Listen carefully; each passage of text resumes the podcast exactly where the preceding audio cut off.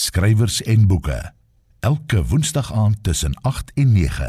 Ek gesels nou met die bekroonde kinder- en jeugboekskrywer Fanny Viljoen. Fanny, baie welkom by Skrywers en Boeke. Uh, baie dankie Elsje, is lekker om jou te gesels. Ons praat vanaand bietjie oor ernstiger sake. Jy's die skrywer van twee boeke wat aan die begin van die jaar verskyn het wat handel oor seksuele misbruik en jou boek is spesifiek gerig op jong lesertjies en om hulle meer uh hoe kan 'n mens sê wyser te maak oor die voorkoms van seksuele misbruik en om hulle bietjie te help met die hantering daarvan en hopelik met die voorkoming daarvan. Die dag toe die draak kom, daar's uh een vir seuns en een vir meisies en beide boeke het ook in Engels en Afrikaans verskyn. Hoekom 'n boek oor hierdie onderwerp? Ek het 'n uh, paar jaar gelede, Elsje, het ek 'n uh, fliek gesien Spotlight wat gaan oor die seksuele misbruik in die Rooms-Katolieke Kerk. Uh, dis 'n fliek wat ook uh, Oscars gewen het. En aan die einde van die film met die eindkrediete sê hulle dat daar uh, soortgelyke ondersoeke by ander kerke reg oor die wêreld van die Rooms-Katolieke Kerk gedoen is en uh, in Suid-Afrika noem hulle net Kaapstad en Brits en ek het tog sjoe dit kan seker nie net daar wees nie en dit is dit was amper die eerste vonk vir hierdie storie gewees en soos wat ek en ek het gedink ek wonder of ons iets in Suid-Afrika daarin kan doen as as 'n skrywer nie en ek het besluit miskien moet ek 'n boek daaroor gaan skryf en ek het al hoe meer en meer bewus geword toe uiteindelik van wat 'n verskriklike groot probleem ons in Suid-Afrika het. Uh, ek het selfs gehoor by uh mense wat ek ken uh 'n hele paar van hulle wat as kinders seksueel misbruik is. En jou eie navorsing, het jy dit saam met kundiges gedoen of hoe dit gewerk? Ja, ek het veral uh twee kundiges geraadpleeg. Uh Jem Bloemfontein het ek uh met Dr. Marian Kotse gesels. Sy sy's verskriklik uh bekend met hierdie onderwerp. Sy getuig byvoorbeeld in hofsaake oor seksuele misbruik um en 'n ander persoon en sy het my toe op bespoor gesit van iemand by 'n organisasie in die Kaap, ehm uh, die die plek se naam is uh, Jelly Beans. Daar het ek uh, met uh, Edith Kuhl gesels en ehm uh, die die twee vroue het my verskriklik baie gehelp met die navorsing. Natuurlik ook op die internet baie gaan soek en en probeer kyk hoe kan mens so 'n onderwerp aanpak vir kinders. En op watter ouderdomsgroep kinders is jou boeke gerig? Dis omtrent so van 6 en ouer. Nou ek dink 'n 6-jarige gaan bietjie sukkel om die boek te lees nou al, maar dis 'n boek wat 'n ouer uh of 'n versorger saam met 'n kind moet lees.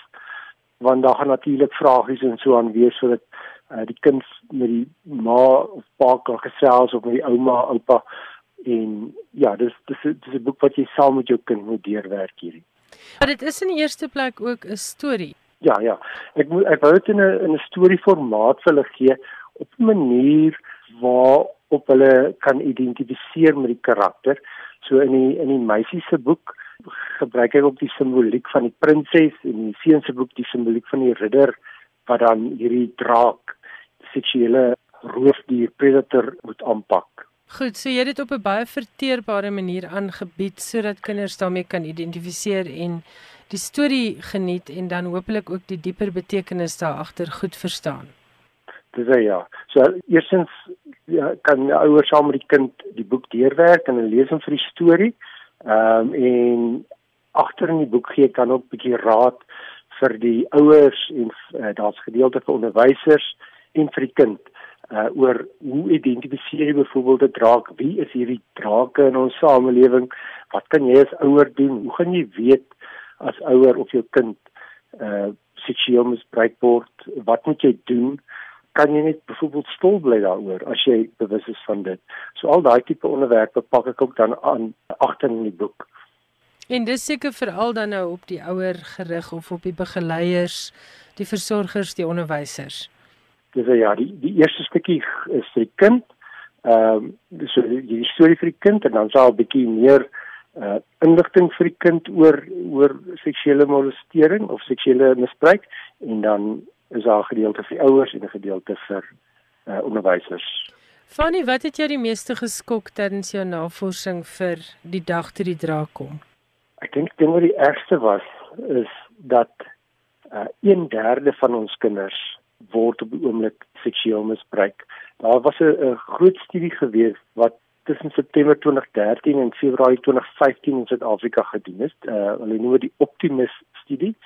En die studie het gewys 1/3 van ons kinders in ons land word seksueel misbruik. Dit, dit is nogal skokkend, né? Mense sal dink dit gebeur ook meer met meisies as met seuns, maar dit is nie waar nie. Seuns word meer seksueel misbruik as meisies. 36,8% teenoor 33,9% meisies. 43% van die seksuele misdade teenoor kinders word deur ander kinders gepleeg en 60% van die gevalle van seksuele misbruik is dit iemand wat aan die kind bekend is. So dis dis net 'n paar van die, die statistieke. Ja, en wat vir my ook opgeval het in al my eie navorsing oor die onderwerp oor die jare is dat uh, daar is nog steeds 'n 'n ontkenning onder mense dat dit nie met hulle kind kan gebeur nie of dat dit nie in ons taalgroep of in ons rasgroep gebeur nie, maar maar seksuele ja. misbruik kan met enige kind Afrikaans, Engels, ja. wit of swart gebeur.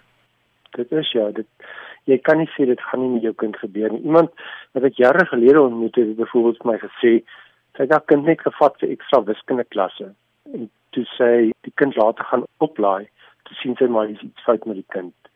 En sy vind uit hy is tydens daai wiskunde ekstra klasse is uh met iemand homoseksueel misbruik. So dit kan so vinnig gebeur.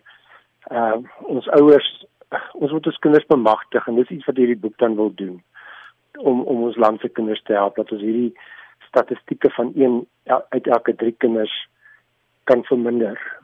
Dit is Fanny Viljoen en ons het gepraat oor sy boeke. Dit is in Afrikaans en Engels beskikbaar en daar's een vir seuns en een vir meisies en die titel is Die dag toe die draak kom.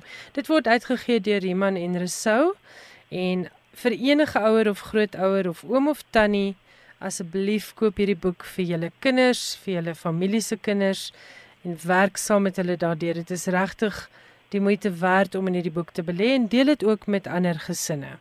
Skrywers en boeke. Alles wat jy oor die boekewêreld wil weet en meer. Dis so kort voor ons aan die einde kom van Finansies Skrywers en Boeke en hier is Johan Meiburg by my in die ateljee. Johan, baie welkom en waarmee spring jy vanaand weg? Baie dankie. Die Engelse digter Alice Oswald wie se jongste bundel Falling Awake, haar sewende in 2016 verskyn het, kan moontlik die eerste vrou word om aangestel te word as professor in poesie aan Oxford. 'n Posisie wat gereken word as die roemrykste pos in digkuns in Engeland, naas die van die Poet Laureate. Aanduidings is dat die huidige Oxford poesieprofessor, Simon Armitage, die volgende laureate kan word. In 2009 is die Engelse digter Ruth Padel in die Oxford Pos aangestel, maar sy het die pos van die hand gewys voordat sy in die pos sou begin. Daar was destyds aantuigings dat sy betrokke was by 'n smeerveldtog teen haar teestander Derek Walcott. Sy het haar oordeelsfout en naïwiteit in die opsig erken en hoewel sy toe die pos gekry het, het sy dit van die hand gewys omdat, soos sy gesê het, sy nie die pos onder suspisie wou beklee nie. Oswald het met Falling Awake die Griffinprys en ook die Costa-prys vir poesie verower. Haar debuut The Thing in the Gapstone Style het in 1996 verskyn. Daarvoor het sy die volgende jaar die Forward-prys vir debuutwerk gekry en is ook benoem vir die T.S. Eliot-prys. Vir haar tweede bundel Dart van 2002 het sy wel die T.S. Eliot Prys gekry. Oswald het klassieke kultuur aan Oxford studeer en haar bundel van 2011 Memorial is 'n verwerking van Homeros se Ilias. Die bundel is indertyd aangeprys vir die innoverende aanpak en die beeldryke teks. Met die bundel het sy in 2013 die Warwick Prys verower. Hier lees Oswald 'n gedeelte uit Memorial. The first to die was Protesilaus, a focused man who hurried to darkness with forty black ships, leaving the land behind. Men sailed with him from those flowerlit cliffs where the grass gives growth to everything. Pyrasus, Iton, Petilius, Antron. He died in mid-air, jumping to be first ashore. There was his house, half built. His wife rushed out, clawing her face. Podarchus, his altogether less impressive brother, took over command, but that was long ago. He's been in the black earth now for thousands of years. Like a wind murmur begins a rumour of waves, one long note getting louder. The water breathes a deep sigh. Like a land ripple, when the west wind runs through a field, wishing and searching, nothing to be found. The cornstalks shake their green heads. Like a wind murmur begins a rumour of waves, one long note getting louder. The water breathes a deep sigh. Like a land ripple, when the west wind runs through a field, wishing and searching, nothing to be found. The cornstalks shake their green heads. Acephalus, a perfect fighter, always ahead of his men, known for his cold, sea like concentration, moving out and out among the spears, died at the hands of Antilochus. You can see the hole in the helmet just under the ridge, where the point of the blade passed through and stuck in his forehead, letting the darkness leak down over his eyes. Elephanor from Euboea, in command of forty ships, son of Chalcodon, nothing is known of his mother, died dragging the corpse of Acephalus, a little flash of flesh showing under the shield as he bent. Agenor stabbed him in the ninth year of the war. He wore his hair long at the back. Like leaves, sometimes they light their green flames and are fed by the earth, and sometimes it snuffs them out. Like leaves, sometimes they light their green flames and are fed by the earth, and sometimes it snuffs them out. Dit was die stem van die Engelse digter Alice Oswald en sy het 'n gedeelte uit haar eie digbundel Memorial voorgeles. Jan en dan het jy iets oor die Primadonna fees. Nou dit klink vir my na 'n fees wat goed bygewoon behoort te word. Waaroor gaan dit? Wel, dis die splinternuwe letterkunde fees wat in die Engelse somer aangebied word in Suffolk, noordoos van Londen. Volgens die 16 vroue wat agter die fees sit, is die primadonna fees daarop gemik om en ek haal aan vroue se skryfwerk op die voorgrond te plaas en om iets te doen aan die gender wanbalans in die uitgewersbedryf. Ons wil die soort vroue insluit wat dikwels oor die hoof gesien word, het Catherine Meyer, een van die 16 en mede-stigter van die Women's Equality Party gesê. Ons wil by die punt uitkom dat bekende vroue skrywers minder bekende vroue skrywers kan bekendstel. Skrywers wat reeds bevestig het dat hulle op die fees gaan optree, sluit in die Ierse skrywer John Boyne, skrywer van The Boy in the Striped Pyjamas, Joanna Cannon, Guy Gunaratni, Sophie Hanna, Luke Jennings en die Turks-Britse skrywer Elif Shafak. Die eerste Primadonna fees word van 30 Augustus tot 1 September aangebied. En dan het jy vir ons nuus oor 'n Vlaamse skrywer wat die Astrid Lindgren Prys verower het. Ek aanvaar dis vir kinderlektuur, né? Inderdaad, ja. Die Vlaamse skrywer Bart Mojaar is aangewys as die wenner van die 2019 Astrid Lindgren Gedenkprys.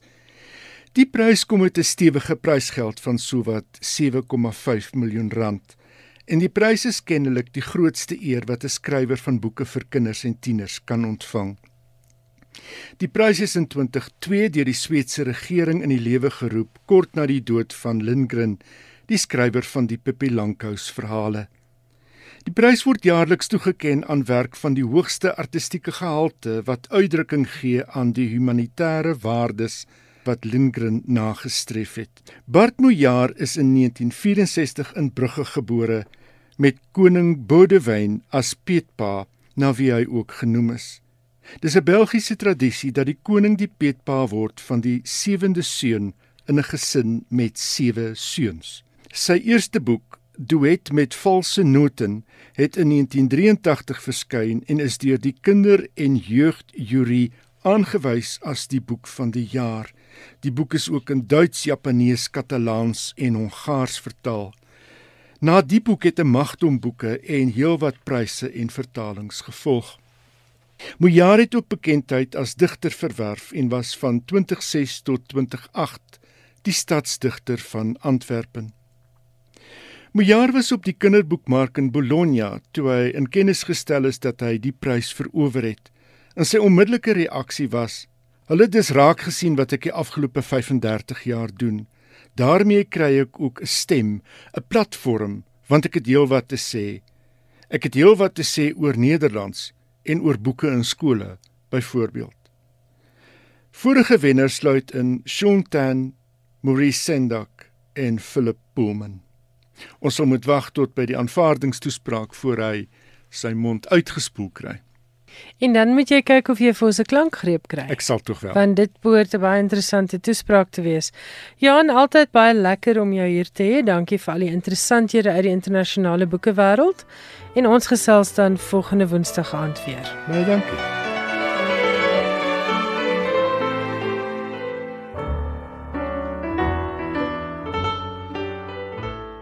Johan Meiburg se insetsel beteken ongelukkig ook dat ons aan die einde gekom het van Finansie skrywers en boeke. Maar baie dankie dat jy saam geluister het. Die SMS-lyn se nommer net weer is 45889. Elke SMS kos R1.50. En as jy vir my e-pos wil stuur, my e-posadres is skrywersenboeke@rsg.co.za. Tot ons weer saamkuier volgende Woensdag aand om 8uur net hier op RSG. Geniet die res van jou week en ek hoop jy het 'n stapel wonderlike boeke op jou bedkassie. Totsiens.